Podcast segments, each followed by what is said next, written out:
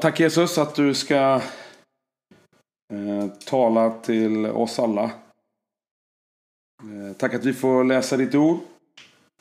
Tack att vi får eh, tala om dig och tala om ditt liv tillsammans, Herre. Vi ber om himmelskt flyt här. Ja, detta är ju en serie i Romarbrevet som vi jobbar med. Som är höstens tema. Och idag är det då Romarbrevet 5. Eh, som kommer vara utgångspunkten. Som kommer vara det som är i fokus. Det är egentligen rättfärdig genom tro. Vad innebär det? Så det kommer vi handla om idag. Det kommer handla om rättfärdig, rättfärdighet och om tro. Amen. Amen. Det är en del av eh, de här 7000 orden. Det finns ju inga kapitel, det finns ju inga versindelningar. Det kommer långt senare. Så att, men eh, jag tror ändå vi kan eh, hålla oss kring rättfärdighet och tro. Eh, tror även att detta kommer överlappa. Vi kommer ju prata om det som, som de andra har pratat om. Som Daniel pratade om förra gången och som Jonas kommer att prata om. Så jag tror att det här blir en väv tillsammans. Jag vet inte om ni ser den bilden. Det, det föreställer en sjö här. Och så en bergskam och så är det en sjö till där. Ser ni den?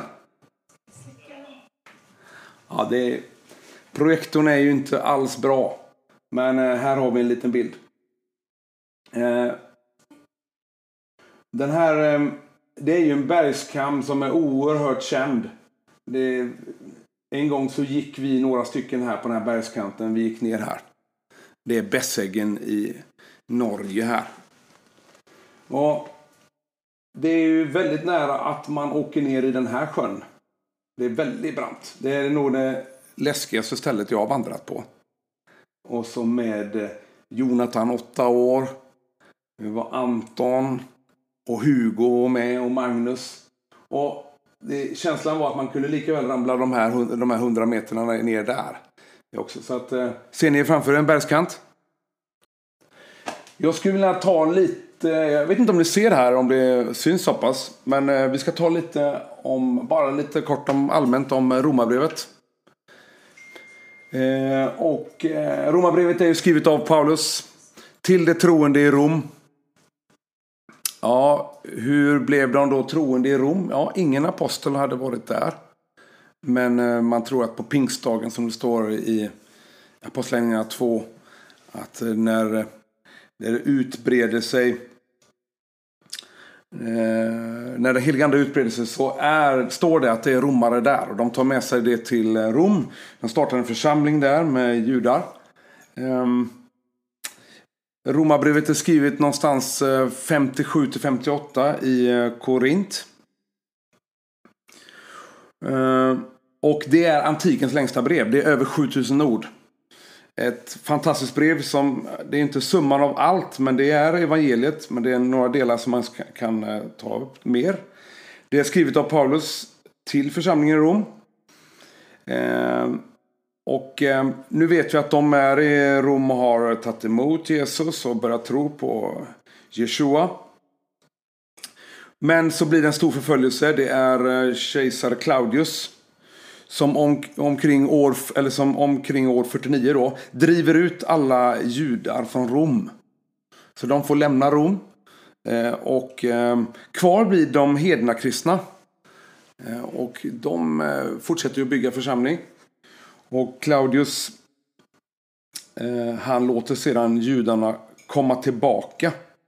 Och i den här spänningen som blir mellan att judar, eh, judakristna och hednakristna möts igen och att de eh, har lite olika utgångspunkt så blir det massa spänningar och in i den spänningen så skriver eh, Paulus till dem. Eh, och det är ju Febe som går dit med det. Hon är från Korint. Och den här spänningen mellan judakristna och hedakristna det märker vi i hela brevet. Speciellt med, med romabrevet är ju också det som, som står sen i eh, Romarbrevet 9-11. Men idag ska vi koncentrera oss på Romarbrevet 5. Och man kan titta på några nyckelord som står i hela Romarbrevet. Så är det, det står Gud 553 gång, 153 gånger. Det står, om vi lägger ihop Kristus och eh, Herren så står det 108 gånger.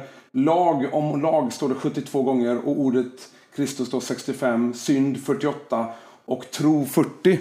Så här är några nyckelord som står i hela Romarbrevet. Det är bara roliga fakta. Man kan dela in Romarbrevet på olika sätt. Och här är några sätt man ska kunna dela in det. Men man kan tänka sig att de första eh, fyra kapitlen handlar om tro. Och det här idag, vi ska prata om hoppet idag. Eh, och eh, kapitel 12 till 16 om kärleken. Och sen handlar 9 till 11 om judarna. Eh, 58 här ska det vara. Och man skulle kunna säga att det handlar om eh, rättfärdighet och helgelse och förhärlig, att vi ska liksom få tillbaka vår härlighet igen. Mm. Man kan också säga att det är indelat i två eh, delar. Guds verk i oss, vad Gud, kom, vad Gud gör i oss och vad Gud gör genom oss sen. Och eh, Watchman som vi läser här, den boken, så om ett normalt kristet liv, så han delar in eh, den här första delen som vi tittar på nu då. Han delar in det i två delar. Eh, så man kan dela in det på lite olika sätt. Men det, jag tänker mig tro, hopp och kärlek är ju jättebra och lätt att komma ihåg. Eh, vårt mål är ju att vara i Kristus. Så att ehm, det är ju det, det vi ska sträva efter. Jag tänkte att vi ska läsa Romarbrevet 5. Och jag, jag tror att jag gör så att jag läser Romarbrevet 5 här. Så.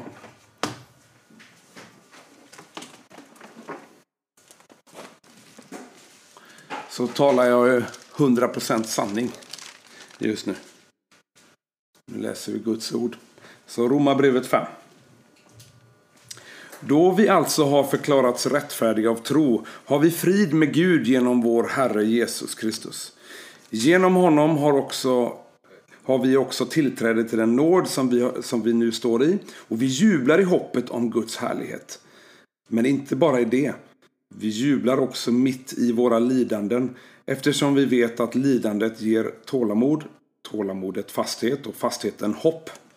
Och det hoppet eh, bedrar oss inte, ty Guds kärlek är utgjuten i våra hjärtan genom den heliga Ande som han har gett oss. Medan vi ännu var svaga dog Kristus i ogudaktiga ställe när tiden var inne. Knappast vill någon dö för en he eh, hederlig människa. Kanske vågar någon gå i döden för den som är god. Men Gud bevisar sin kärlek till oss genom att Kristus dog i vårt ställe medan vi ännu var syndare. När vi nu står som rättfärdiga genom hans blod, hur mycket säkrare ska vi då inte genom honom bli frälsta från vredesdomen? Ty om vi, medan vi var Guds fiende, blev försonade med Gud genom hans sons död, hur mycket säkrare ska vi då inte bli frälsta genom hans liv när vi nu är försonade? Men inte bara det, utan vi gläder oss i Gud genom vår Herre Jesus Kristus, Jesus Kristus, genom vilken vi nu har tagit emot försoningen. Därför är det så, genom en enda människa kom synden in i världen och genom synden döden. Och så kom döden över alla människor eftersom alla har syndat. Synd fanns inte i världen redan före lagen,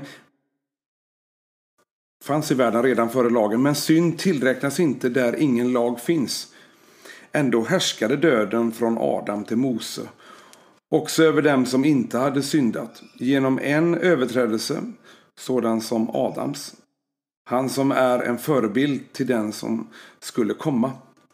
Dock är det inte med, eh, det är inte med nåden som med syndafallet. Ty om det många har dött genom en endas fall så har ännu mycket mer Guds nåd och gåva överflödat till de många genom en enda människas nåd, Jesu Kristi nåd. Inte heller kommer gåvan som följd av en enda synd. Domen kom genom en enda och drog med sig fördömelse. Den fria gåvan däremot kom efter mångas överträdelse och ledde till ett frikännande. Ty om en, om en endas fall gjorde att döden fick herravälde genom denne ende, hur mycket mer ska då inte det som mottar den överflödande nåden och rättfärdighetens gåva regera i liv genom denne ende, Jesus Kristus?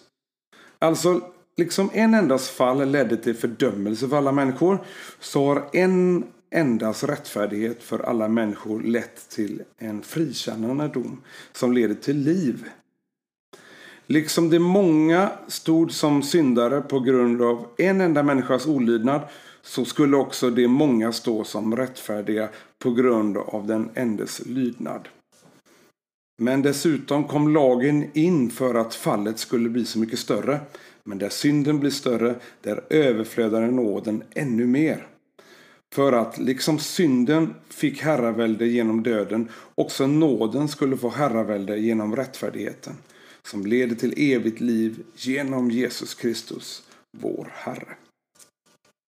När man tittar på det här romabrevet så kan man säga så här. Det här kapitlen här, det är från Galatierbrevet. Så de stämmer inte med romabrevet. Men det finns ju ett... Ehm, det finns två diken här. Det finns två stup här som det är lätt att åka ner för. Och jag tror att jag ska ändå ha med den här bilden här. Um, jag tror att uh, den här spänningen som finns mellan judarna och the gentiles, de hedna kristna. Det är att uh, judarna vill så lätt komma in i det lagiska, i legalism här. Lagen vill göra det som eh, vill göra. Um, följa reglerna, bli rättfärdiga i sig själva. Förtjäna Gud. Men det är, det är ett fängelse verkligen. Ehm, att sträva efter att man skulle kunna förtjäna Gud. Eller att man skulle kunna följa allting, lagen. Så här finns på något sätt Guds vrede, det, det går inte. Eh, I det andra diket då som skulle symbolisera att man åker ner på den andra bergskammen. Så finns ju istället köttet. Då är det license att det är nåd allting. Jag kan, jag behöver inte, det finns inga gärningar. Jag behöver inte göra någonting. Jag bara eh, det finns, jag får förlåtelse för allting. Jag kan göra vad som helst. Det finns liksom inga, finns inga regler alls. Ehm, men Gud vill ju placera oss här i mitten. Eh, där han är Fadern är här och han vill ge oss sin favör. Liksom. Han vill ge oss, sitt liv. Eh, han vill ta in oss i gemenskap. Han vill inget hellre än att vi ska få ta emot hans rättfärdighet. Han vill ju inget hellre än att, att han ska få gemenskap med oss. Eh, och i anden då som, som bor i oss när vi tar emot Jesus, när vi omvänder oss, när vi låter oss döpas, när vi tar emot den helige Ande, så är det, har vi gemenskap med Fadern då. Och när vi tror på Sonen. Så att eh, här finns friheten. Här är frihet. Och friheten är inte i att eh, göra lagen, vara rättfärdig, bli rättfärdig av oss själva. Och det finns inte heller någon frihet här borta att vi nu, nu finns inte gamla testamentet. Nu, nu, är det, nu släpper vi loss allting här. Nu är det, nu är det bara det är bara nåd. Det blir som en billig nåd allting. Så att Gud, han vill sätta oss här. Han vill sätta oss eh, fria. Och eh, här kan man säga då att de hedna kristna talar man om att man lätt vill hamna här. Och de judekristna de hamnar lätt här. Jag vet inte var, var du och jag hamnar.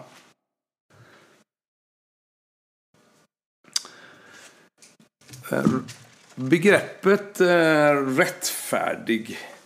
Ja, det finns ju många varianter på rättfärdig. Det är hämtat från eh, domstolen.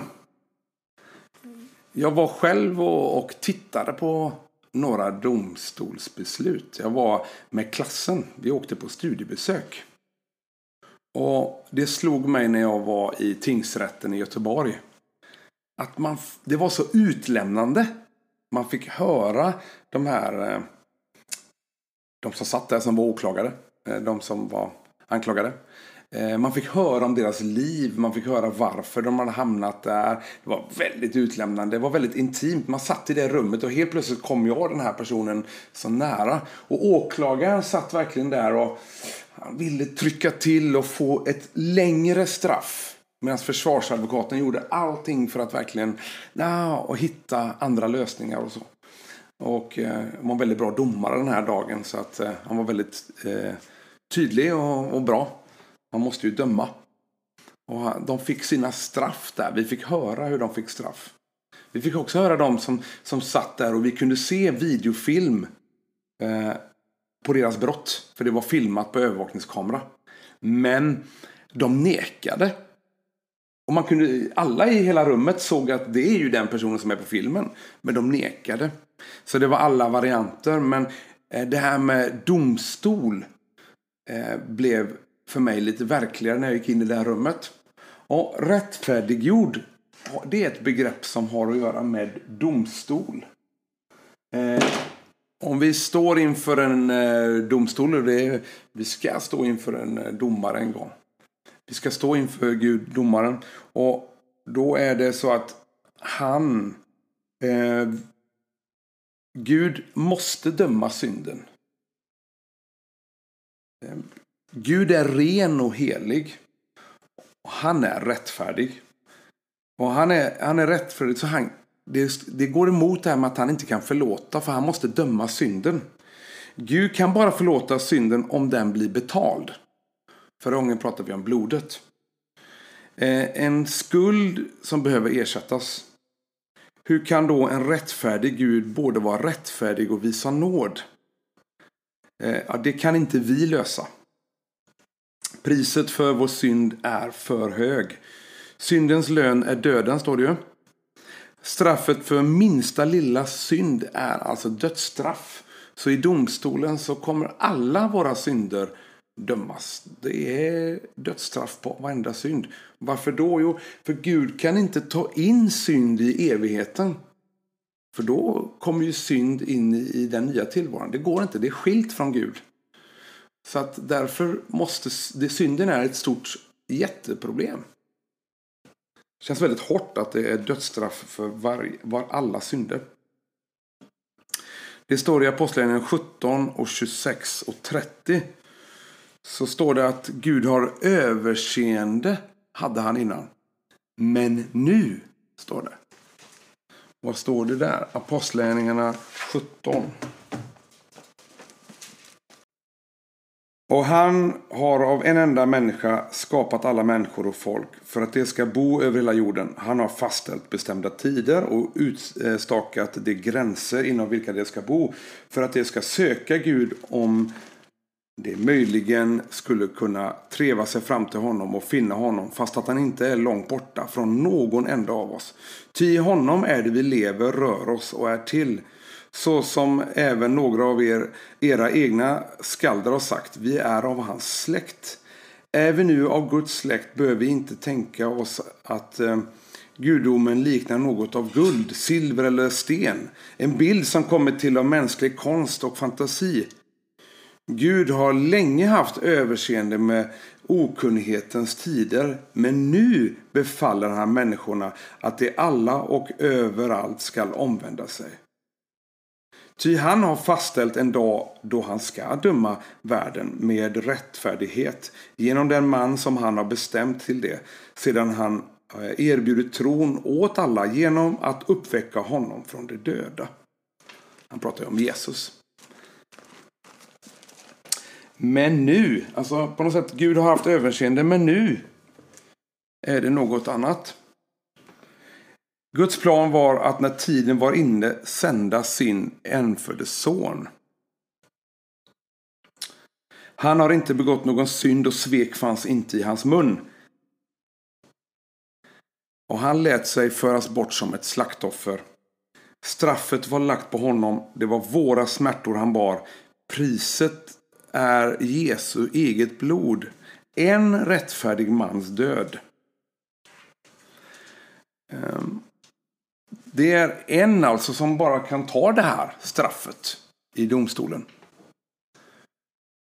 Det finns en åklagare som hela tiden kommer att göra allt för att få oss att tvivla på den här sanningen som vi, kommer, som vi läser och som vi hör och som vi kommer höra nu och som vi, eh, som vi lever i. Han kommer hela tiden göra allt. Hans mål är att få oss att tvivla. Men så finns det en försvarsadvokat underbart i den här domstolen och i livet. Det är Jesus Kristus. Och var är han? Ja, han är på Faderns högra sida. Ja, de sa ju till och med själva om man läser Johannes 11 och 50. Johannes 11 och 50. Så, så profeterar de om Jesus. Och så står det om honom. Det är Kaifas som säger detta och eh, en av dem, Kaifas, 49, som var överstepräst det året sade till dem, ni förstår ingenting. Inser ni inte att det är bättre för er att en man dör i folkets ställe än att hela folket går under? Detta sade han inte av sig själv, utan som överstepräst det året profeterar han att Jesus skulle dö för folket. Det finns bara en rättfärdig person och det är Jesus Kristus. Det finns bara en. Och han har ett annat DNA här än vad vi har. Eh, och i den här domstolen så kommer vi bli rättfärdigförklarade genom att vi tror. Det kommer vi till. Eh, vi förklaras ha det rätt ställt med Gud genom Jesus. Vi blir benådade återlösta, borgen blir betald. Vi har inte, vi har inte borgen i detta landet. Att någon kan komma in och betala borgen för våra synder. Våra skulder. Men det är ofta man ser på amerikansk film hur, hur de kan komma in och så betala någon och så blir de frisläppta då. Man betalar borgen. Så vi är ju, vi har ju gjort fel. Så rätt är det så att vi är dömda. Men genom att vi kan åberopa att vi tror på Jesus Kristus så blir vi också rättfärdiga. Vi får det också rätt ställt med Gud. Och det skulle kunna vara ett sätt att tänka rättfärdig. Du är inte färdig, du är inte klar. Eh, men du får det rätt ställt med Gud. Vad gör Gud helt enkelt i detta? Vad är det Gud gör för oss? Jo, han förklarar oss rättfärdiga genom att vi tror på Jesus. Vad ska vi göra? Vad behöver vi göra? Jo, vi behöver tro. Vi behöver visa honom tillit och lydnad. Vi behöver lita på att detta är sant. Det han har sagt. Vi kan inte se det himmelska. Ingen kan se det himmelska. Även om man har lagt ner små liksom, glimtar i människor. Så kan inte vi se med, med våra naturliga sinnen. Eh, inte utan tro. Så vi behöver tro för att se det himmelska. Så att när vi tror på honom så, så öppnar han upp den här kanalen. Vi behöver tro. Så det finns bara en enda väg till Gud och det är genom att tro på Jesus. Det finns det, alltså att tro att han är den han är, han har gjort det han har gjort. Eh, vi, vi följer honom. Så tro inte bara är att tro att han existerar, utan tro är att det här är sant. Jag följer det. Då blir det tro. Är det någon som har förstått vad tro är?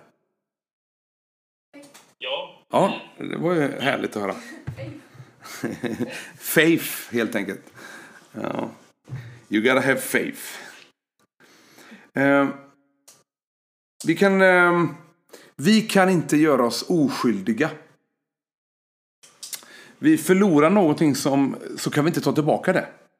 När någon ljuger så har man ljugit liksom. När man tar något. Inte talar sanning. Har sex innan man har gift sig. då förlorar man någonting. Man förlorar, säger man då, sin oskuld. Man är inte längre oskyldig, man är på något sätt skyldig.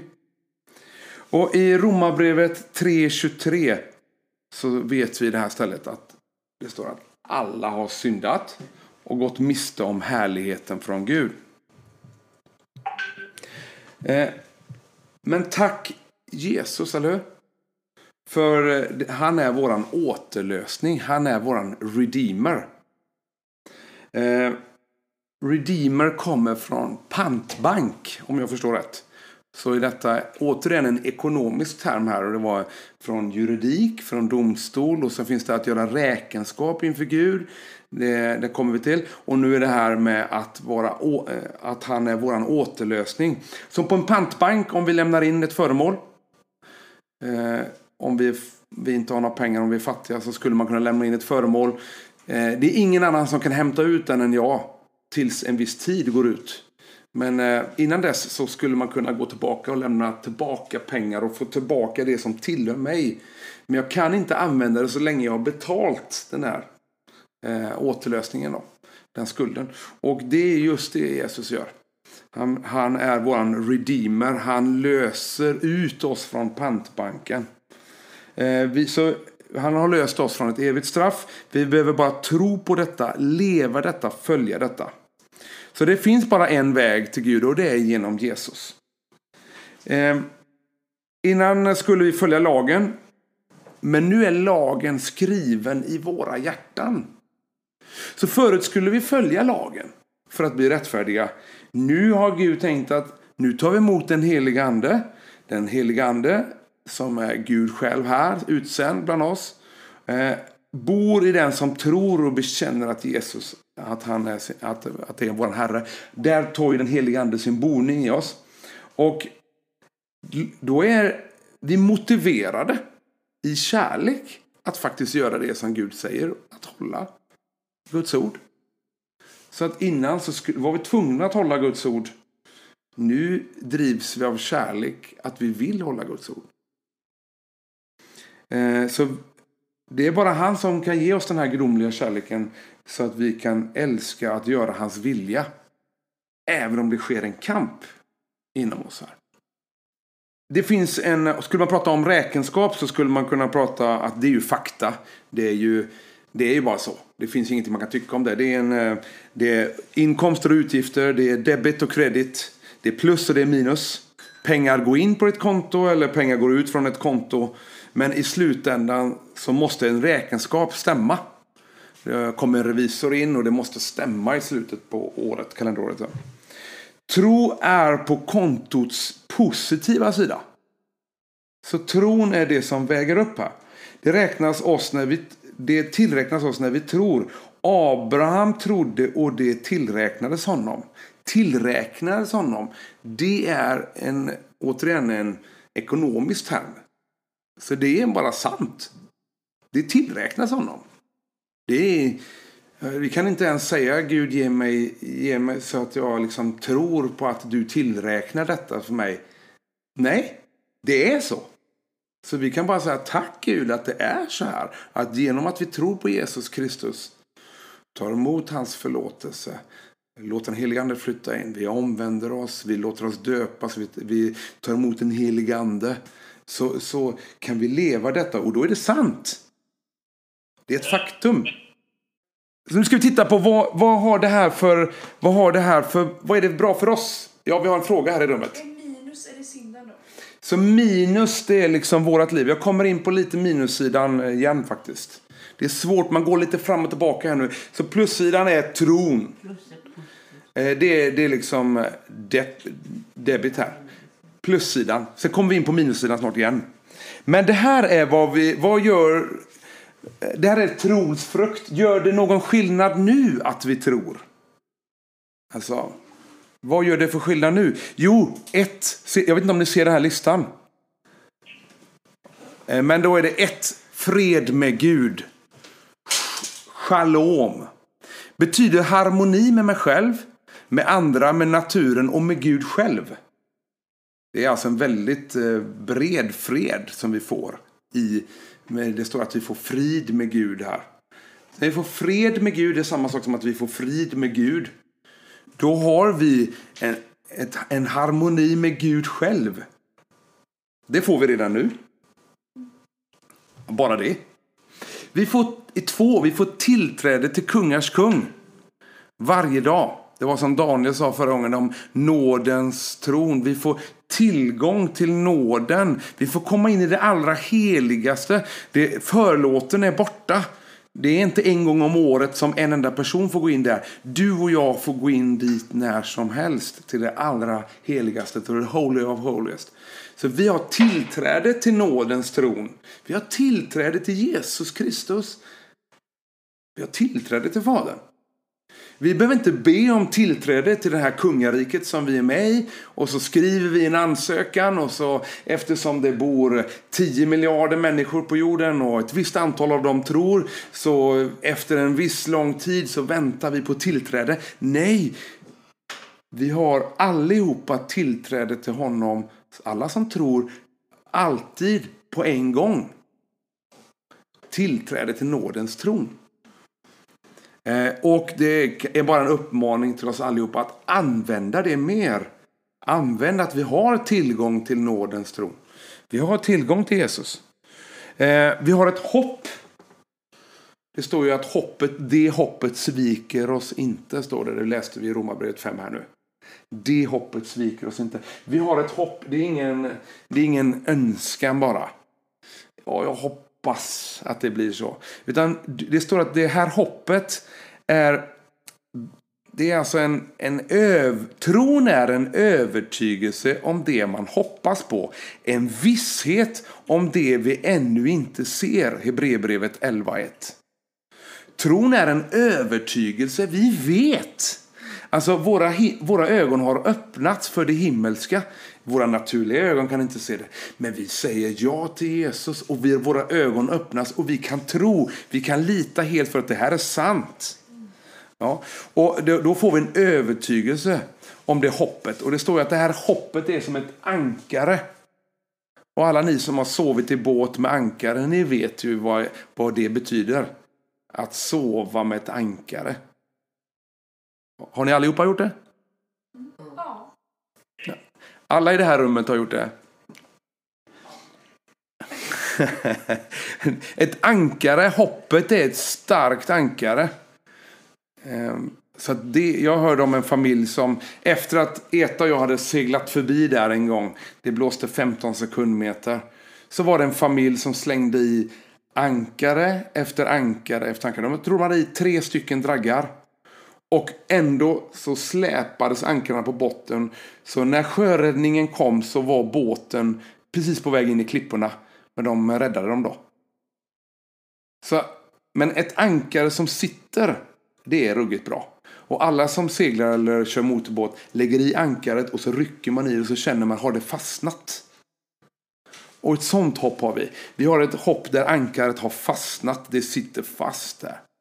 Det, det, det driver inte omkring. Så ett, ett sånt ankare har vi i hoppet. Redan nu har vi det. Ja, vi, har, vi får också kärlek. Eh, det står i Romarbrevet 5.5. Vi får ju också Vi får också där, vad stod det 5 nu? Det hoppet sviker oss inte. Och det hoppet bedrar oss inte till Guds kärlek är utgjuten i våra hjärtan. Så det, vi har ett hopp som inte bedrar oss, som inte lurar oss, som inte driver med oss. Eh, vi har, ett, vi har får kärlek som är utgjuten i våra hjärtan. Och den här kärleken gör att vi kan älska varandra. Det är ju en himmelsk kärlek som gör att vi kan älska människor, andra troende som vi aldrig har träffat. Eh, så det är ju en, det är en kärlek från Gud. Det får vi. Eh, sen får vi också eh, lidande, står det sen. I, om vi tittar två verser innan så står det så här. Eh, men inte bara det, vi jublar också mitt i våra lidande eftersom vi vet att lidandet ger tålamod. Så nu när vi tror på Jesus och vi bekänner honom så är det, kommer det vara ett lidande. Det är sant, det är så det blir det. Och det här lidandet kommer ge tålamod. Och, och det, det... Så det här är saker som vi redan får. Är det en bra lista? Ja. En bra eh, lista, eh, lista det här va?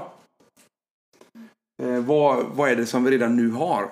Så vi har inte bara blivit rättfärdiggjorda, fria från någonting. Utan vi får massa saker redan nu. Inte bara en dag. Utan redan här och nu har vi tillträde till detta. Eh, vi vet att, och, jag, och det här kommer det handla om i nästa kapitel mer. Men när man läser om Watchman Ees bok här nu så tar han upp eh, om människans problem. Och han tar upp det. Eh, det är felaktiga gärningar som är människans problem. Men det är också viljan att göra det som är människans problem här. Och om man läser eh, eh, 5, 12 till 21 nu så står det både om synd och syndens natur. Så synden, om man säger, kanske jag går tillbaka där. Eh, så vi har synder, liksom saker som man gör som är felaktiga för Gud. Men även om vi slutar att göra de sakerna så är vi ändå fel ute i oss själva. Varför då? Jo, det står att genom Adam så har synden kommit in. Och alla vi är släkt med Adam. Så alla har vi del av, alltså där fanns människans hela DNA. Det DNA har bara spritt sig. Ni vet att DNA är 1,8 meter ungefär långt, en DNA-spiral. 21 000 gener plus minus. Och, och det här blir bara eh, för, mer och mer förstörd faktiskt, den här DNA-spiralen. Men det här arvet som vi har ärvt från Adam, det naturliga arvet i oss. Det är redan fördömt. Det är en del av detta, denna synd. Det är syndens natur. Hur ska vi bli kvitt det? Synden, jag kan sluta och göra saker. Men hur ska jag bli kvitt den här naturen då? Eh, det står att Jesus då i 5.8 så står det att han dog medan vi ännu var syndare. Va? Med, men Gud bevisar sin kärlek till oss genom att Kristus dog i vårt ställe medan vi ännu var syndare. Eh, och i 9 står det när vi nu står som rättfärdiga genom hans blod, hur mycket säkrare ska vi då inte genom honom bli frälsta från vredesdomen? Det kommer in en ny idé här och där kommer det sen i en del till i Romarbrevet 6. Att vi får förlåtelse för våra synder. Blodet renar oss från våra, våra synd, det vi har gjort som är fel. Men korset, den tar hand om den gamla människan. Det är på korset som vi, vi dör med Kristus. Vi uppstår med honom. I dopet, genom att vi korsfäster vår människa, så är det inte längre jag som lever utan Kristus som lever i mig. Då kan vi göra upp med den här gamla människan. Då får vi ett nytt DNA. Så det finns hopp. Det finns förlåtelse för saker vi gör. Men även om vi inte gör det så är vi ändå fel. För vi upptäcker till slut att jag är, jag är fel på något sätt. Det är något fel på mig. Och den här striden kommer ändå för, uh, finnas. Men när vi korsfäster, när vi, korset, när vi upptäcker mer och mer att vad vi har i Kristus. Då kan vi få mer frihet, mer liv, mer om honom. För då är vi, vet vi att vi är korsfästa med honom. Då kan vi göra upp med den gamla människan. 5.19 står det. Liksom många stod som syndare på grund av en människas olydnad så skulle också de många stå som rättfärdiga på grund av den endes lydnad. Vi vet att synden kommer in genom Adam, men genom Jesus Kristus så kommer vi, får vi nytt liv. Vi kan få nytt DNA. Det himmelska DNA. Och Jesus han har inte, han är ju en del av mänskligheten men ändå och inte. Så han, eh, han kan ge oss det nya DNA. Eh, Romarbrevet 5, 12-21, det säger något mer också om vad vi är i Jesus. I Adam tar vi emot allt från honom. Det är det naturliga, allt som är eh, av naturen. Det kan vi ta emot i det här naturliga sinnet. Det vi känner och tycker och upplever och så. Men i Jesus tar vi emot allt som är från Jesus. Så det är ju väldigt bra. Det är därför vi ska vara i Kristus. Förbli i mig. Våra nederlag är i Adam, vårt hopp är i Kristus. Det är bra. Det finns nytt hopp och jag tycker det är häftigt att om nu Adams fall fick oss ner, hur mycket mer får då inte Jesus oss upp till det här livet som vi talar om? Som han vill ge oss. Det är mycket mer än det här, det som vill tynga ner oss. Så vill det här ge oss mycket mer. Vi vet att vår gamla historia slutar vid korset och vår nya startar i uppståndelsen. Det står så här i andra Korintierbrevet 5 och 17. Alltså om någon är i Kristus är han en ny skapelse. Det gamla är förbi och något nytt har kommit. Halleluja. Halleluja. En ny skapelse. Det vet vi. Alla som älskar honom. Som, som tror på honom omvänder sig, tror, låter sig döpas och tar emot den helige ande. Vi, vi är, går in i porten, vi, vi, är, vi är en ny skapelse. Men det här behöver vi mer och mer uppenbarelse. Vad är det att vara en ny skapelse? För, för, för eh, djävulen kommer göra allt för att få oss att inte tro på det här. Skulle Gud ha sagt. Är det verkligen så? För honom räcker, behöver inte vi få, vi behöver inte tappa tron på allt som står här. Vi behöver inte liksom sluta med allt. Utan det räcker, för honom räcker att han får ner vissa bitar i oss. Liksom. Han krigar hela tiden, ständigt igen, på att få in lite, lite tvivel. Är det verkligen så? Har jag verkligen det? Är Guds nåd mig nog? Kan vi säga jag tror inte på att Guds nåd är mig nog? Nej, det är ett fakta.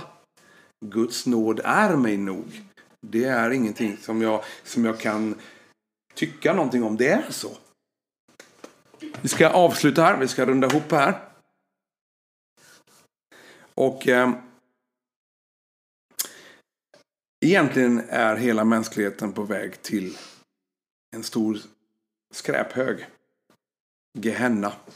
Det är en plats där so man brände soporna i Israel. Det är en eh, sophög och jag tänker mig att man eldar soporna. Det slängs bara bort. Men han, Gud i sin stora kärlek, han vill återanvända oss. Han vill ta oss från den här sophögen. Han vill förvandla oss till något värdefullt, så som han har tänkt. Recycling. Det är det som salvation är. Att Gud vill åter föra in oss i, i hans sons härlighet. Han vill egentligen att vi ska få tillbaka den härlighet vi har förlorat. Vi har blivit rättfärdiggjorda. Under resans gång nu, tills vi dör, så ska vi jobba på våran helgelse, sanctification. Och en dag ska vi få uppleva hans eh, glory, glorification. Vi kommer få gå in i hans härlighet. Vi kommer få en ny kropp. Vi kommer få ett nytt namn. Vi kommer få eh, uppleva en helt ny tillvaro som vi ännu inte har skådat. Som vi bara hoppas på. Men det är ett, ett säkert hopp. Och vi tror på, och det har Gud sagt. Och då är det så. Eh, och där, på resans gång nu, nu har vi talat om rättfärdighet. Det Gud gör oss rättfärdiga. Vi kan inte genom laggärningar själva komma in och bli rättfärdiga. Vi kan inte heller radera ut de saker som vi har gjort. Det är bara genom att tro på Jesus Kristus. Hans blod, hans frälsning för oss, som vi blir rättfärdiggjorda, får det rätt ställt med Gud igen. Då kan Gud hjälpa oss med vår helgelse, att slipas, att låta den här tron få bli mer synlig i oss under livet. Det är helgelse. Och en dag så får vi komma in i hans glory. Då blir vi frälsta verkligen. Då, blir, då får vi komma in i full frälsning. Han ska föra oss till full frälsning. Halleluja. Gud längtar efter att ge av sin rättfärdighet. Han vill dela med sig den till oss. Jag tänkte avsluta med att sjunga en sång.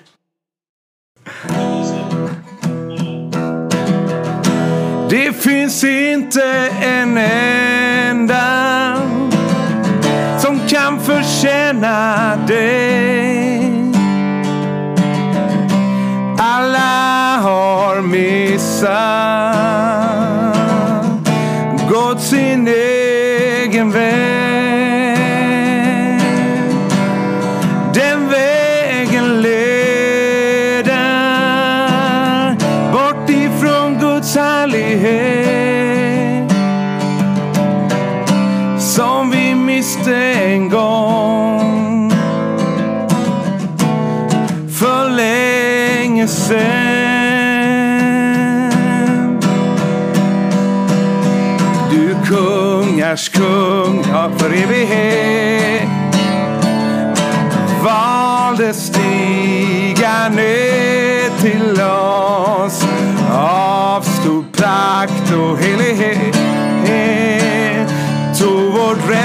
Jesus straff betala skulden vi haft om vi bara tror på ditt namn att du på korset seger vann. Det finns en väg till himmelen. Jesus heter han. Men Gud bevisar sin kärlek till oss var syndare. När Jesus dog i vårt ställe öppnade vägen till Gud. Om du har fått förlåtelse har det rätt ställt med Gud. Genom Jesu dyra blå. ska du bli räddad en gång.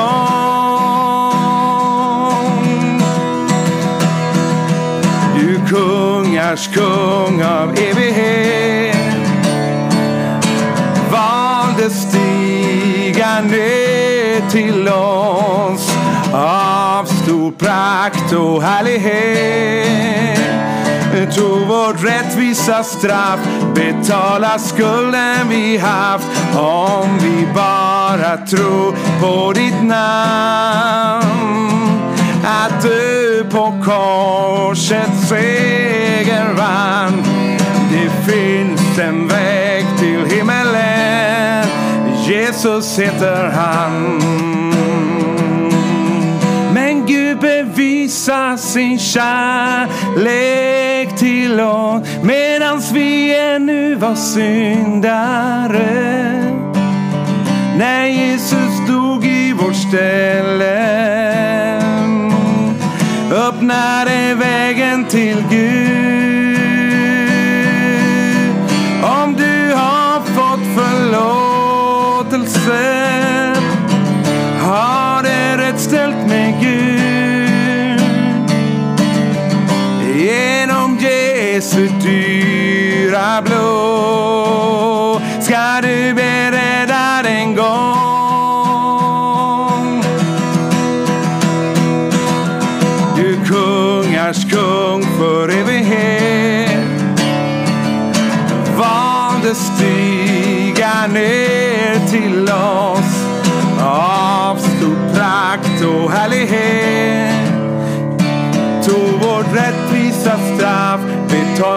synden vi haft om vi bara tror på ditt namn. Att du på korset seger vann. Det finns en väg till himmelen. Jesus heter han. Det finns en väg. Det finns en väg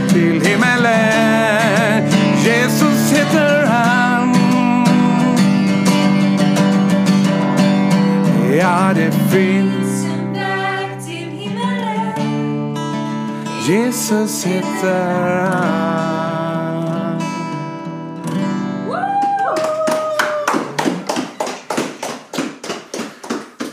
När fick du låten? Fredrik frågade. När fick du den här låten? Ja, den här låten spelades in för några veckor sedan. Det var så? Ja.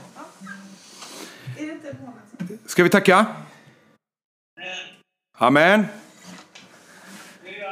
Halleluja Jesus Kristus, vi bara tackar dig för att du valde att stiga ner och vara lydig Fadern, Herre.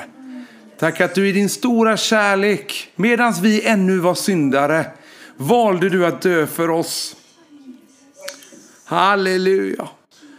Du valde att ta detta straffet som är obegripligt stort. Alla människors onaturligt felaktiga natur. Alla människors synd.